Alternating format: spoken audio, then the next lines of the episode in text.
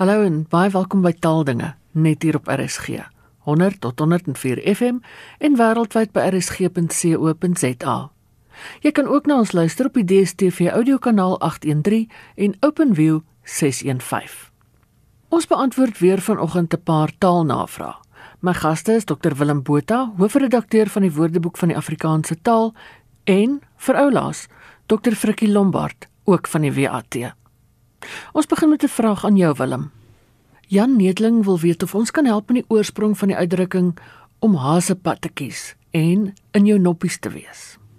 Ja, ehm um, en om hier 'n uh, sinvolle antwoord te gee, wend ek my tot Anton Prinsloo se spreekwoorde en waar hulle vandaan kom. En soos gewoonlik laat hy my nie in die steek nie. En hasepad kies beteken om te vlug. En oorspronklik was dit eintlik so uh, in 'n lafhartige manier. Want die haas uh, word ewe lank al beskou as 'n vreesbevange ou diertjie. En uh, in vroeë Latynse bronne meld dat 'n lafaard 'n haas genoem is. As jy iemand as 'n lafaard beskou dan noem jy hom 'n haas. Hy's 'n haas. Nou volgens die Lex Salica of die Saliese wet van die 16de eeu na Christus is daar bepaal dat as 'n persoon iemand anders as 'n haas uitskel, hy swaar beboet sal word. Maar ehm um, dis nog nie meer vandag so nie, maar dis waar die haasepad kies. Met ander woorde, hy het die pad van 'n lafaard gekies uit uit weggehardloop. En dan uh in jou noppies wees is ook 'n baie interessante ene. Dit verwys eintlik na kleure en die noppies is eintlik die knoppies. En as jy in jou noppies is, is jy baie gelukkig en tevrede. En daai knoppies of noppies verwys eintlik na die pluisies op kleure, veral kleure wat nuut is. So as jy in jou noppies is, dan is jy in jou nuwe kleure en jy's baie tevrede en in jou skik met jouself. Ehm um, dit is die herkoms van Noppingstad. 'n Anonieme luisteraar sê praat bietjie met ons oor die woord fundi en sy herkoms. Frikkie? Ja, dit is baie interessant. Nou met fundi eh, bedoel ons gewoonlik 'n geleerde persoon of 'n akademikus of 'n kenner of 'n kundige van 'n bepaalde onderwerp of 'n uh, kenner op 'n bepaalde terrein. En uh die etimologie woordeboek van Afrikaans sê dit kom waarskynlik uit Zimbabwe se Engels fundi. Uh en daardie fundi het is ontleen aan Ndebele wat umfundi het wat 'n disipel of 'n leerder is en funda self beteken leer of lees en fundisa beteken onderrig of opvoed. En ons kan net daar wys dat dieselfde woorde ook in Xhosa en Zulu voorkom. Chris Molman het 'n voorstel vir 'n Afrikaanse term vir tough love en hy vra ook waar die uitdrukking tou opgooi vandaan kom. Willem?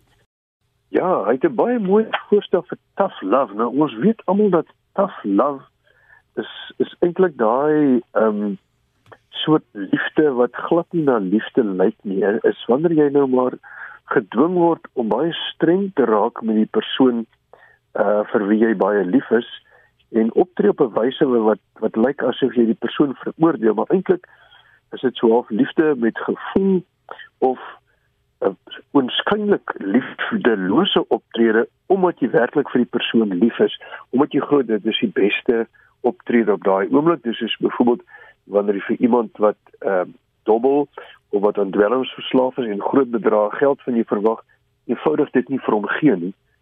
Asof jy baie hardvogtig is, maar is vir sy eie beswil. En die woord wat Chris Moelman voorstel is tug liefde. Tug liefde in in die plek van tough love. En ek dink dit is nogal goed. Ehm um, dit is 'n tugtigende liefde. En dan vra hy waar kom die uitdrukking tou opgooi vandaan? Nou tou opgooi beteken om moed te verloor. Jy is heeltemal moedeloos. Jy jy kan nie verder nie. Nou dit is volgens Anton Prinsloo weer eens uh ontleen aan die trekkerslewe. Daar toe ons op pad was, op die trekpad was met waar ons het. Nou as die tou langer wat nou hy loop voor met 'n tou en hy is vas aan die voorste os en hy loop voor hy hy gee die pas aan. Hulle volg hom die, uh, vir die regte pas en verrigting. En as die touerleier nou baie baie moeg raak as hulle nou al heeldag stap en hy voel die osse ryk nou al die water van die staaning en hulle begin met 'n druk van agter en hulle gaan hom inhaal en hulle gaan hom trap plat, dan gooi hy die tou oor die horings van die os wat voor is en hy hardloop weg. Hy gooi tou op. so dis maar daai enetjie. Frikkie, Gerda Redlinghuis wil weet wat is 'n nuwe fiet? Dit is 'n uh, eh, Gerda, dit is 'n woord wat mense nie gereedelik ken nie. Uh dit beteken eintlik 'n pasbekeerde of 'n pasgedoopte volwassene en dit kry ons natuurlik uit die Nederlands uit, maar hulle uh, dit uit Latyn het gekry. Uh neophytus wat ook uit Grieks uitkom, uit die Griekse weergawe ook neophytos. En dis maar 'n samestelling van nieuw wat uit nieuw neos kom wat nuut is en phytos wat die verlede deel word is van fuin wat beteken laat groei.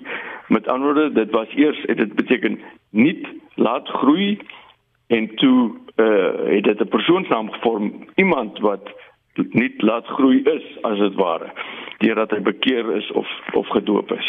Willem net so laaste vraag. Um Dirk Hofman vra oor die gebruik van die vroulike vorm van die voornaamwoord in Afrikaans en nog 'n uitdrukking duim vashou. Ja, ek ek let op ehm um, waarna Dirk verwys. Jy sal sien dat uh, mense praat van Afrikaans en haar sprekers. En die volgende sin het ek nadat ek hierdie uh, vraag ontvang het van Dirk gesien in die, in die koerant is die universiteitswese en die idee en die idee wat sy oor eeue heen verteenwoordig het besig om te verval. Die idee wat sy oor eeue heen verteenwoordig het. Nou, ek weet nie vir my doen dit baie vreemd aan. Afrikaans gebruik by verstek die manlike voornaamwoord. Wat nou hier aan die gebeur is is die taal word aangepas by 'n kulturele verskywing wat aan die gang is. Ehm um, en dit gaan nou oor geslagsgelykheid. Maar ek weet nie of 'n mens 'n taal se idioom moet aanpas by 'n kultuurverskywing wat aan die plaasvind is. Ehm um, so iets glo ek moet organies gebeur maar dit lyk vir my daar is sekere sprekers wat dit nou forceer. En tot tyd en wyl dan duidelikheid is hieroor sal ek nog steeds die manlike voornaamwoord gebruik as ek na 'n taal verwys of 'n universiteit of 'n motor. As ons dit doen moet ons nou ook van 'n motor begin praat as sy. Ek het vir my 'n Mercedes gekoop en sy is regtig 'n pragtige motor. Maar dan volgens absoluut die Engelse model Uh maar ek vermoed die mense se motivering sal wees ons volg liewer die kulturele verskywing en ons ons kom weg van die manlike chauvinisme. Maar soos ek sê, dit is vir my nogal nie so eenvoudig nie. Ehm um, 'n taal het vir my sy eie idioom. Ehm um, wat hom nie laat voorskryf deur modeverskynsels goed of sleg nie. Ons het hier 'n 'n 'n effense probleem dat Engels het it en iets dit en dit se Ons kan nie praat van Afrikaans en dit se sprekers nie. Of is die universiteitswese en die idee wat dit oor eeue heen vir die woordigheid besig om te verval, dit kan ons nog doen. Ek dink nie dis verkeerd nie. As jy dan nie wil hy gebruik nie, ehm um, kan jy daar dit gebruik. Daar is tog niks fout met dit nie. Dis dan neutraal. Maar as jy nou hy oral vervang moet sy, is dit weer eens nie neutraal nie. Nou gaan jy van manlik na vroulik en dit jy nog glad nie die sogenaamde of die gewaande probleem opgelos nie. So my aanbeveling sou wees gebruik dit uh sover as wat jy kan, maar nou by die besittelike vorm sy vir die Afrikaans en sy sprekers sou ek nog steeds dit daar gebruik en nie oorslaan na haar nie. Want jy kan nie skielik 'n taal se geslag verander nie. Ehm um, so my aanbeveling is gebruik dit en verder dan nou die manlike vorm. En kom ons kyk wat gebeur. En die uitdrukking duim vashou? O, oh, duim vashou. Ja. Voordat ek daaroor praat, ek dink die meeste mense sê deesdae ek hou duime vas. I'm holding thumbs. Hmm. Dis weer eens 'n navolging van die Engels. Ons het altyd duim vasgehou en ek sal nou bewys dat duim vashou op 'n logiese vlak heeltemal korrek is en duime vashou is is is verkeerd.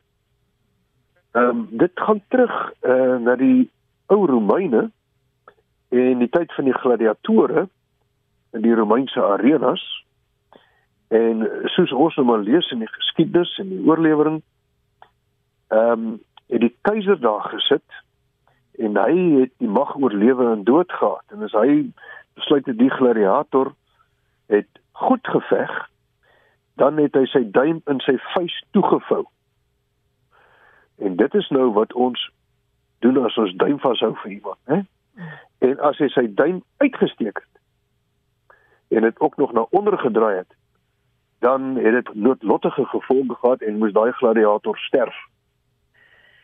Ehm um, so, duim vashou beteken dan jy spaar 'n lewe. So in ons terme jy hoop op die beste vir iemand. Ehm um, so is definitief jou duim vashou. En uh dit is dan korrek in Afrikaans om duim vas te hou en dit kom van die ou Romeinse keisers wat kon duim vashou of duim uitsteek. As jy 'n duim uitgesteek het, was jou lewe verby. Willem, ons kom ook vandag by die einde van 'n era met Frikkie wat die taalnavraag tuig neerlê. Ja, dit is nou die vandag die laaste keer Ina wat Frik saam met my ehm um, hierdie taalnavraag van ons luisteraars beantwoord. En ek wil op 'n persoonlike vlak vir Frikkie baie dankie sê vir uh, omtrent 17 jaar wat ons nou hierdie uh program so aanbied en uh dit was werklik baie aangenaam om dit saam met hom te doen. Ek het baie aangename herinneringe van uh eenmal 'n maand Kaap toe ry, Seepunt toe ry om te gaan opnames doen daar. Uh daar's 'n heerlike koffiedrinkplekkie net langs aan die SAIK gebou. En uh die see is naby, maar ons kon nou nooit eintlik dit benut nie want jy weet ehm um, dit neem 'n groot deel uit jou dag om van Stellenbosch Kaap toe te ry opname te doen terug te ry, dit is 3 uur wat jy verloor. En ehm um, dikwels was ons ook vanweë verkeersopeenhopingstoele solank in die N1 gewerk het, was ons dikwels amper laat en ons was soms laat. So daar was nie veel tyd vir rondloopie, maar dankie Frikkie vir jou stewige bydrae oor baie jare. Dit was baie lekker om jou saam te werk. Ons kon altyd as daar probleme is, die vrae lekker met mekaar bespreek en uh dit was werklik 'n aangename ervaring. Ons het begin met met Daniel Hugo, toe was dit Fonnie de Tooi van die deploy. Toe was Magdalene Kreer en nou is dit Ina. So dit was altyd net lekker. Frikkie en 'n laaste woord van jou kant af? Ja, ek kan maar net sê dit was vir my baie uh, altyd baie lekker om uh, die luisteraars se vrae te beantwoord of nou wense te probeer beantwoord. Ehm uh, dit was 'n voorreg. Dit was ek het dit geniet en uh, dit was vir my ook dikwels 'n baie leersame proses. Ek dink ek kan met vrymoedigheid namens my voorgangers en namens RSG luisteraars sê, dankie Frikkie. Ons het baie by jou geleer. Alles van die beste vorentoe. Nou wanneer ons weer luisteraars se taalnavrae beantwoord, sal ek die nuwe spanlid bekendstel. Dan net kortliks twee ander dinge. Vrydag is vanjaar se nuutskeppingskompetisie bekend gestel wat RSG en die WAT jaarliks aanbied, gewoonlik by die Woordfees op Stellenbosch. As jy 'n lekker nuwe Afrikaanse woord het, stuur jou nuutskepping na wat@sun.ac.za. wat@sun.ac.za. Die komende week is daar elke dag 'n wenner en aan die einde van die kompetisie 'n algehele wenner. Al die besonderhede is op die WAT se webwerf. Daar's ook lekker pryse wat deur die ATKV geborg word. Net weer die adres wat.ac.za. En dan die tweede ding, terwyl jy op die WAT se webwerf is, borg ook sommer 'n woord en help bou aan die woordeboek van die Afrikaanse taal. Dis dan al vir vandag. Geniet die res van die dag in RSG se geselskap. Bly veilig, bly gesond en van my Ina Strydom groete tot 'n volgende keer.